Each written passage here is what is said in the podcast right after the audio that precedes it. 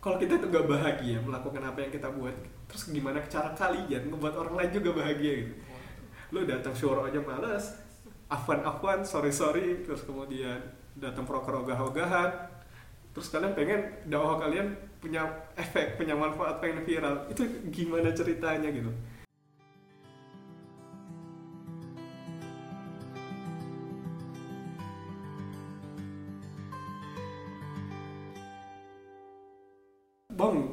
udah bikin riset nih udah ngelakuin semua riset tapi pas gue implementasi nggak jadi. Apa mereka ya sama Nggak- aja nggak gitu nggak ada nggak berhasil juga. Perlu diketahui bahwa sebenarnya hasil riset itu bukan untuk kita buat A apa orang ngomong A kita bikinkan A. Tapi itu kita jadikan referensi untuk decision making gitu. Decision making apa ya membuat keputusan apa yang mau kita buat. Nah itu semua di hasil riset. Dari hasil riset itu kan kita nanti kita tahu materi kita seperti apa. Nggak mungkin oh kalau ibaratnya tadi kita ngomongin tentang LDK kita ngomongin LDK kemudian pas kalian sensus macem-macem eh, orang pengennya. Wah pengennya kajiannya di abnormal tapi geng Jeko maunya di Jeko ya misalnya gitu. Ya itu kan salah satu masalah yang akhirnya nggak bisa apa ya ya nggak ketemu titik eh, temunya. Nah kita yang tahu nanti akhirnya titik temu yang bisa kita mengafford apa ya? Mengakomodir. Mengakomodir pintar sekali. ya. Mengakomodir ide-ide itu masalah-masalah itu kemudian kita jadikan uh, sebuah pergerakan atau misalnya jadi konten. Nah itu hasil-hasil dari itu tuh. Nah jadi jangan jangan mendewa bukan mendewakan ya tapi jangan sampai ya tadi kita feeding. Feeding itu cuma memberi makan apa ya? Iya feeding itu. Ngumpan, ngempanin. Enggak ya, ya udah maaf deh. ya pokoknya ada orang maunya apa ya dikasih makan gitu aja. Sedangkan kita sendiri kan punya goals kita kan pengen merubah mereka kita pengen memberikan perubahan pada mereka. Jadi memang akhirnya riset-riset itu sebagai insight aja yang akhirnya membuat kita apa keputusan yang akan kita buat. Karena eh, pada akhirnya juga ini kan usaha kita untuk memastikan apa yang kita buat itu udah sesuai jalurnya udah sesuai nilainya sisanya itu kan sebenarnya hak prerogatif Allah aja kan hidayah sampai ke mereka. Tapi ya tadi ikhtiar kita tuh sejauh mana sih? Apakah memang kita buat benar-benar atau yang kepikiran ide langsung buat kepikiran ide langsung buat. Nah itu ya kayak gitu-gitu yang sebenarnya sangat disayangkan. Maksudnya kita jangan sampai buang-buang waktu capein setahun dua tahun di LDK tapi nggak bikin apa-apa keluar aja masih kayak aduh males banget masih ngerasa Enggak ada perubahan apa-apa. bener kemudian ngerasa kayak nge-like nge-share LDF-nya aja nggak mau. Terus Pakai taklimat gitu ya. Waduh, Waduh, Waduh. itu skip skip skip Iya, skip enggak lah ini harus dimasukin, saya setuju. ya maksud, maksud maksudnya coba coba tanya. Rifa, Rifa namanya Rifa, tolong dicatat. Coba kalian tanya ke diri kalian, berapa kali konten-konten yang ada di kampus kalian, LDF kalian khususnya kalian share. Saya punya beberapa kali ngisi kalau di kampus-kampus juga sama teman-teman. Di kreatif kita ngomongnya gini, eh, kalau kita tuh gak bahagia melakukan apa yang kita buat, terus gimana cara kalian membuat orang lain juga bahagia gitu. Lu datang syuro aja malas, afwan-afwan, sorry-sorry, terus kemudian datang proker ogah-ogahan, terus kalian pengen dakwah kalian punya efek punya manfaat pengen viral. Itu gimana ceritanya gitu? Jadi ya ini salah satunya. Jadi lebih ke apa ya sadar juga bahwa kalau memang kita pengen ngebuat sesuatu itu ya dimaknai dinikmati gitu dibahagiain ketika ngejalaninnya karena kalau misalnya kita juga bahagia ngejalaninnya kita ngerasa ogah-ogahan ngebuatnya malas-malasan yakinlah orang-orang yang akan menikmati itu juga akan ogah-ogahan nggak akan juga nyampe kalau kata-kata orang-orang pada umumnya kan dari hati nyampe ke hati kayak gitu gitu Oke. kebayang nggak sih Hmm. ya. Next question.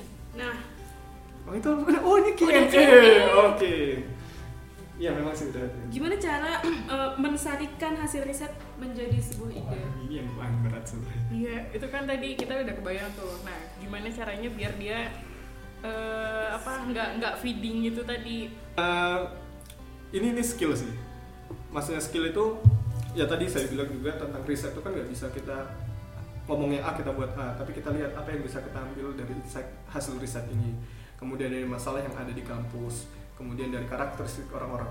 Nah kemampuan kita membaca itu semua kemudian menghasilkan ide itu sebenarnya eh, cara mensarikannya kalau misalnya bahan-bahan yang harus disiapkan ibaratnya ya kayak tadi kalau saya siapkan garam telur sayur mayur di sini kemudian ada ayam ada nanti yang mungkin bi- bikin omelet ada nanti yang bikin eh, cuma telur dadarnya doang karena nggak bisa bikin sayur. Ya misalnya ya, bisa bikin sayur Allah. Ya Allah. Ya maksudnya kayak gitu cuy. Maksudnya ini ada data ada data maksudnya data ada bahan sayur dan yang lain-lain. Ada ayam bumbu-bumbu lain. Tapi kalian cuma pakai telur. Berarti kan kemampuan kalian mensarikan kan cuma dari telur aja karena memang referensi selama ini cuma telur misalnya. Tapi ada orang yang dengan melihat masalah-masalahnya wah gue bisa bikin makanan enak nih dengan ini. Nah itulah kemampuan itu sebenarnya yang harus kita latih. Ya latihnya tuh ya peka tadi peka terhadap masalah sering ngobrol diskusi juga sama teman-teman sama target eh, audiens dan dakwah kita paling penting lagi tuh kita apa kesukaannya. Nanti dari situ kita udah bisa oh mereka tuh sukanya seperti ini masalah kita gini kemudian kemampuan kita seperti ini dan lain-lain. Akhirnya kita bisa mengeluarkan ide-ide baru. Saya punya eh, ini gambaran. Kalau kalian ketika mau melihat sesuatu hasil tadi eh, riset-riset ini bayangkan ada tiga kolom besar di depan mata kalian. Sebelah kiri kalian tulis semua masalahnya. Kita tulis namanya kolom masalah ya iya, isinya masalah. Tulis semua masalah. Nah kemudian kolom yang paling ujung kanan kita sebut dengan tujuan goals apa yang pengen diubah. Nah di tengah adalah ide kita metode kita apa yang pengen kita bikin pengen kita kerjain supaya untuk menyelesaikan masalah tadi mencapai goals yang kita inginkan. Kalau mau mudah lagi kita kasih ini deh ya kita kasih konten di dalamnya. Misalnya masalahnya adalah orang-orang tidak tahu diagram mahram itu masalah uh, goalsnya adalah orang-orang jadi pada tahu. pada tahu nah metode yang ada di tengah cara itu bisa macam-macam pertama misalnya bikin campaign, Bikin campaign. ngundang ustadz buat ceramah, ceramah bikin poster bikin poster podcast apalagi coba keluarin semua bikin video, Bikin video. Itu kan banyak. secara langsung. Nah, ya itu kan maksudnya banyak metode. Nah, tapi dari itu mana yang akhirnya paling efektif, yang mana yang bisa diimprovisasi menjadi lebih baik atau diubah dikit caranya. Saya sampai punya ide gimana kalau kita buat games. Eh, gamesnya kayak kalau kalian di sini ada nggak games kucing dan tikus gitu? Adalah. Nah kayak gitulah macam-macam itu. Terus kita kasih nama setiap orang pemainnya tuh ayah dari ibu. ya kayak gitu-gitu nanti. Jadi bisa tangkap orang ini boleh atau enggak ditangkap nanti kayak gitu-gitu. Itu harus dijabarkan lebih banyak. Tapi intinya gitu. Itu kan rasanya ide keluar dari hasil saya ngelihat wah permainan kucing dan tikus ini seru nih karena harus menangkap orang. Tapi ini agak make sense nih kalau dimasukin tentang diagram mahram, tentang persentuhan dan lain-lain karena ada ada apa ya?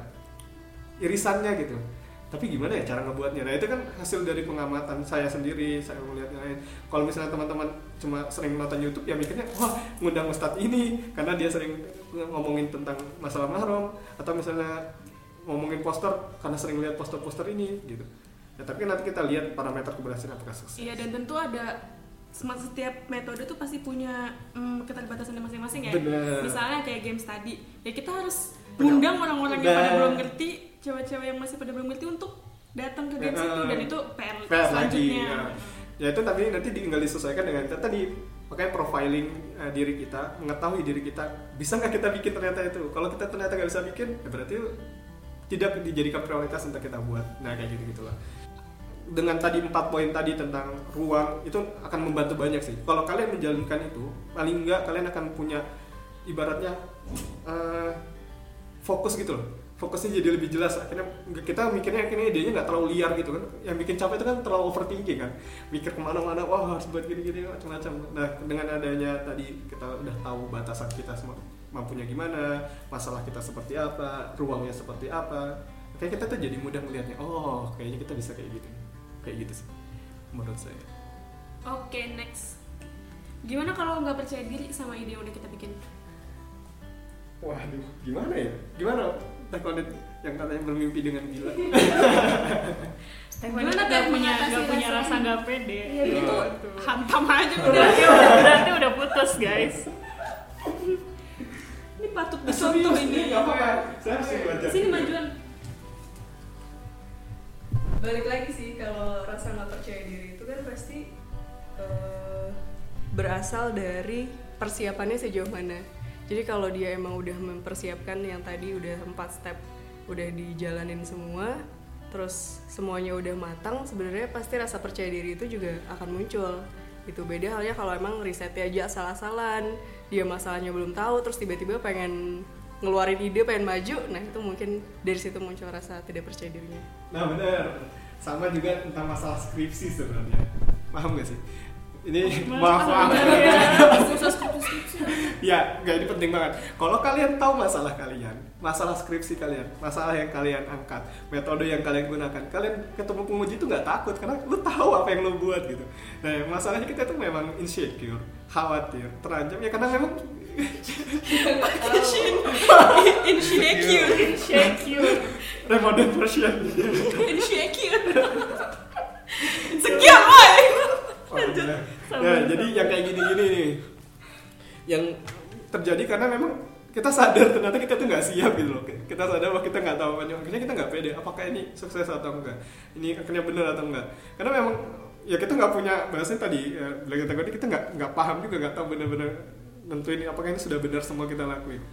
Ini yang juga jadi masalah yang kadang bilang ide saya nggak diterima ya kan sering banget ya ide terima nggak diterima sama atasan nih ya gini cara yang paling mudah adalah bawa semua data yang paling uh, relate. Kenapa ide ini bisa keluar? Sodorkan ke mereka. Kalau memang ternyata mereka kepentingan apa maksudnya yang memegang kepentingan kalian ketua kalian yang nggak punya ya ya. stakeholder stakeholder kalian itu menolaknya tanyakan apa yang jadi masalah di sini. Apa atau apakah memang dia punya hasil riset lain? Apakah dia memang uh, insight yang kita tidak ketahui? Ada masalah yang memang di tataran kita nggak kita nggak pahami tapi di tataran atas dipahami sama mereka. Dan kita memang nggak tahu itu. Nah itu bisa diminta ke mereka. Kalau ternyata cuma masalah waduh karena saya nggak suka warna ungu saya sukanya warna hijau. Nah itu nggak bisa. Ya maksudnya kadang kita juga merasa bahwa eh, semua ide kita tuh harus diterima juga. Ini juga harus menjadi catatan sih. Maksudnya nggak semua ide bisa diterima. Jadi eh, kita cari ya tadi tentang strategi itu kan bukan yang benar atau yang paling ampuh yang paling bagus tapi tentang yang paling tepat. Yang paling, paling tepat seperti apa nah jadi kalau ditanya gimana PD-nya ya tadi yang disampaikan Tekoni juga ya salah satunya tadi juga ketahui benar-benar eh, apa ya se- segala-galanya gitu. Masih segala-galanya tuh yang mau kita hadapi. Tapi bahaya juga kalau terlalu percaya diri. Nah, ya. Jadi sebenarnya arti ya itu akhirnya sebenarnya dengan adanya data-data itu akhirnya per- kepercayaan diri kita tuh ber, ber- apa ya berdasar ya punya alasan gitu. Jadi kita kenapa bisa ngelakuin ini karena kita tahu ini semua ada, alasannya. Jadi jangan juga mikir, wah ini yang penting viral nih bakal viral. Oh ya ngomongin tentang viral nih ada yang nanya juga. Viral tuh efek sih gitu. Maksudnya nggak percuma kalau viral ternyata parameter keberhasilan kalian tidak tercapai. Jadi jangan ter apa ya terpersona dengan terpersona, terpesona dengan uh, keviralan keviralan karena itu efek aja tentang kerelatan kita terhadap konten itu merasa oh iya ini gua banget akhirnya orang pengen nge-share itu tuh efek aja tapi kalau memang kita bener udah bisa ngebuat orang relate sama itu itu tinggal masalah waktu aja lah nggak viral itu Lanjut. Gimana kalau SDM-nya gak mau gerak? Jadi eh, eh, misalnya pas ya gitu. Wah, di awal rame di awal semangat. sesuatu Eh maksudnya semangat di awal. Muntaber Iya ya kita bikin ini ya. Oke oke. Habis itu pas eksekusi. di tengah eh mundur di tengah jalan teh afwan teh afwan ini jadi curhat ya sebenarnya ini jadi masalah sendiri yang sebenarnya sedang harus diselesaikan juga nggak sih jadi ternyata Iya ini kenapa nggak bisa kita yang selesain kan tiap obat eh tiap penyakit beda obat ya. Udah ini kita skip aja. Enggak, enggak, tapi benar. Jadi misalnya kalian punya masalah eh, SDM-nya ini suka labil gitu, nggak nggak jelas maunya apa di, di awal iya diam, tapi pas sudah di akhir, nah makanya kan, nah Apa gue bilang? apa gue Gak usah lah bikin-bikin itu. Nah apa. kayak gitu-gitu. Nah inilah pentingnya nanti kalau kita melakukan data-data riset sensus punya peta macam-macam itu kita tuh bisa eh, apa ya bisa ngasih tahu kenapa alasan kita melakukan dan kita bisa tahu ini alat apa ya. Jadi fondasi kita udah bener ya untuk melakukannya. Jadi kalau misalnya ya tadi kan ada kita mention juga bahwa nggak semua ide bisa diterima. Kalau misalnya kalian punya ada ide jadi keluarin juga gitu. Makanya kenapa tadi di mas, eh, fase ideasi setiap orang tuh ngeluarin idenya. Eh ideasi ide ya tentang meng- mengeluarkan ide itu semua kasih keluar idenya. Terus setiap ide itu di challenge jadi jangan jangan baperan ya. Kalau misalnya kalian tuh rapat-rapat di awal atau pengembangan sebuah produk itu nggak nggak boleh banget baperan asli. Contohnya misalnya Saya gerakan ujian besi tadi titip pasien Ya. tentang mencontek. Misalnya kita punya masalah ini terus kemudian bikin ah kita bikin cam- campaign aja yuk. Misalnya lah iya kalau orang lewat situ kalau orang nggak lewat situ gimana? Eh, misalnya kita ngadain acaranya di salah satu gedung kalau ternyata jadwal-jadwal ujian nggak di situ gimana Eh, kalau misalnya ternyata ya itu pertanyaan itu keluar lah eh, harus keluar dari hasil ya tadi riset-riset ya udah kita Masih- pindah lokasi misalnya gitu. iya oh kita pindah lokasi Jadi di tengah-tengah fakultas. Tengah-tengah. Gimana kalau hujan? Kalau panas misalnya gimana? Kita Terus nyawa pawang hujan. syirik ah. Enggak bercanda coy. Nah, yang kayak, Takut gitu, yang kayak gitu-gitu tuh. Nah, itu itu harus memang di apa ya? Di challenge bahasa kami. Jadi kayak misalnya ada ide kita challenge tuh. Semakin orang itu Bisa menjawab pertanyaan. ya, mampu mempertahankan ide itu, ya kita harus mengakui bahwa ide itu memang kuat, layak hidupnya apa umurnya nanti kalau misalnya kita bikin bisa apa ya? menutup sebanyak mungkin kemungkinan eh, apa ya? kekurangan-kekurangan tadi gitu. Kalau misalnya ada ide A, ide B, ide A diserang eh, apa darahnya sampai berkurang cuma 80 apa cuma 10% jadi 90% sedangkan ide B ide B kita serang habis-habisan turun jadi 50% apa ya eh, apa ya Misalnya satu pertanyaan langsung iya turun banget. nah itu berarti kan memang ide itu belum matang gitu. Nah kita bisa juga matangkan barang-barang kalau memang ide itu udah ada potensi gitu. Oh ini punya potensi tapi kayaknya caranya jangan kayak gini deh.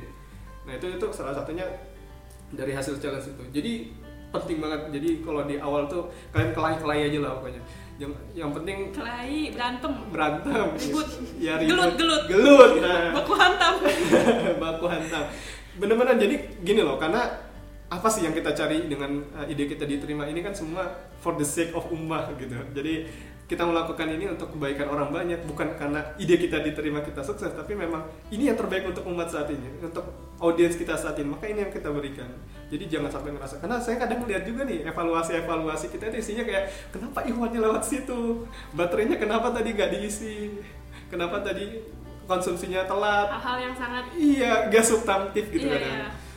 Misalnya kita bikin tadi ya gerakan ujian besi, eh, sebuah gerakan kayak gitu. Ternyata pas dibilang kenapa nih orang-orang masih ada yang nyontek juga misalnya Ha- hasil evaluasi panjangnya misalnya. Oh ternyata itu gak ngaruh apa-apa. Gue ngeliat nih ada eh, quote-quote kita dibuang di tempat sampah, diambil permennya doang. dimakan. Iya.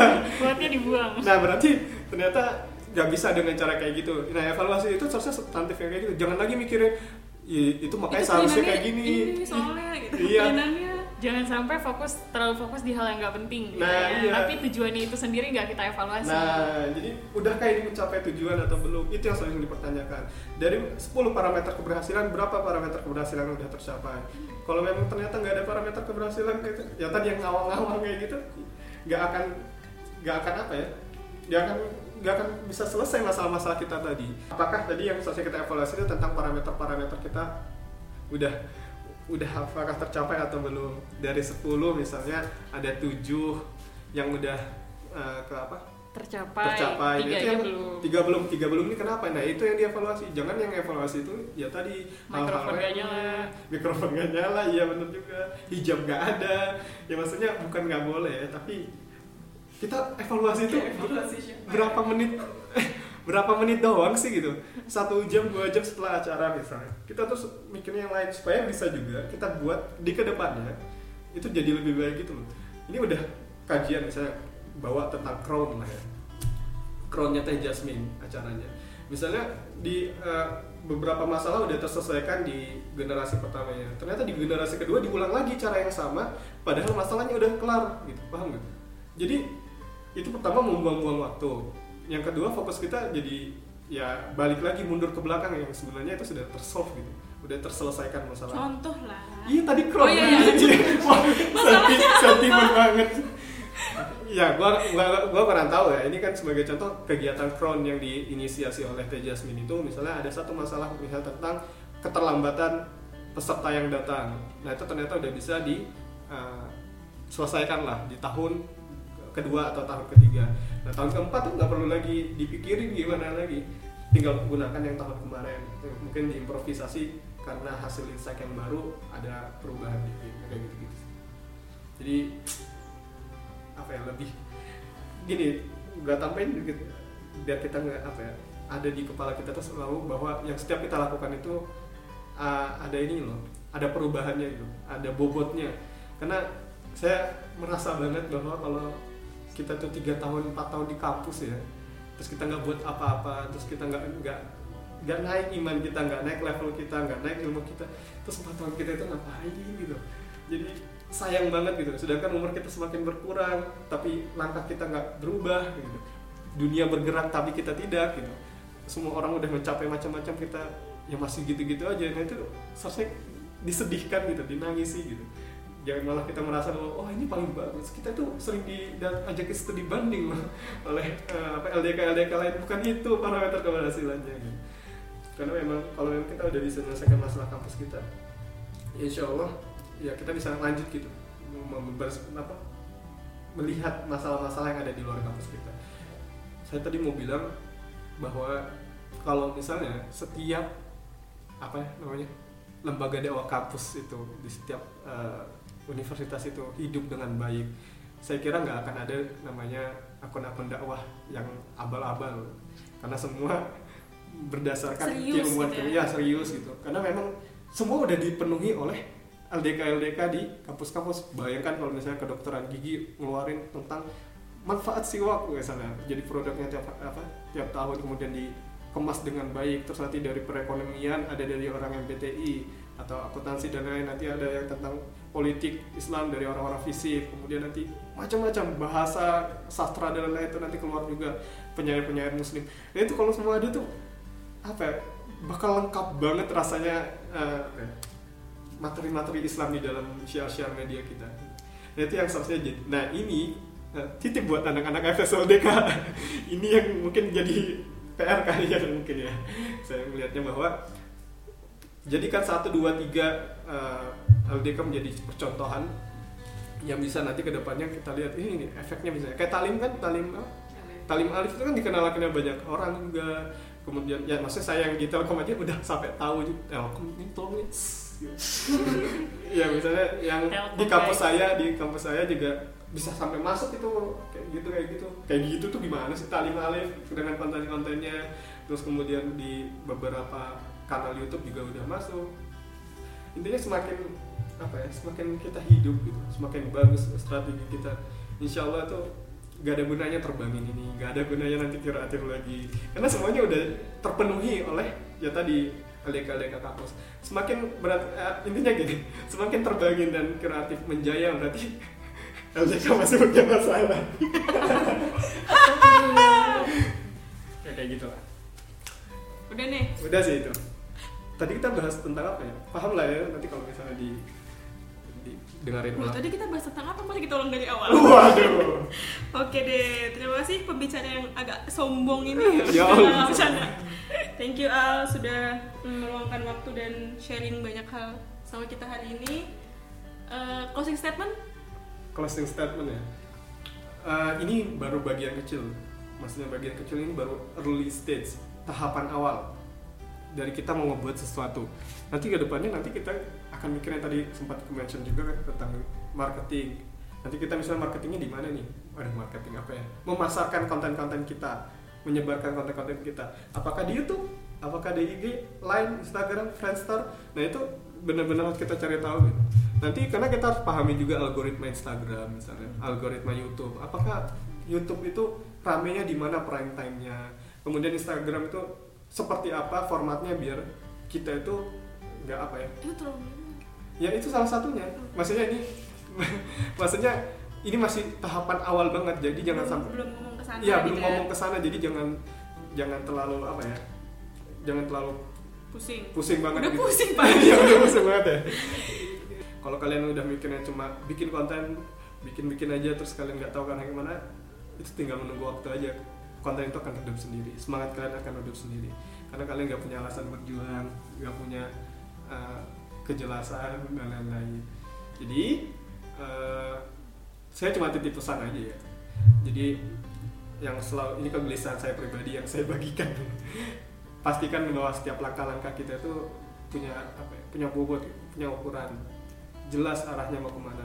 Jadi milestone kita itu jelas juga apalagi dalam dakwah-dakwah kita ini. Eh, paling close statementnya pastikan setiap langkah kita itu terukur aja. Punya bobot biar kita tuh nggak merasa baik-baik saja sebenarnya kita tidak baik-baik saja jadi biar surga itu jelas langkahnya sisa berapa lagi kita menuju surga. Wadaw. Oke deh Al. Oke. Eh, dadah. Assalamualaikum. udah gitu dong ya Thank you. gue bantuin deh gue bantuin deh Thank you. Iya, kita belajar dari eh, apa yang dicontohin sama Rasulullah waktu perang Hondak.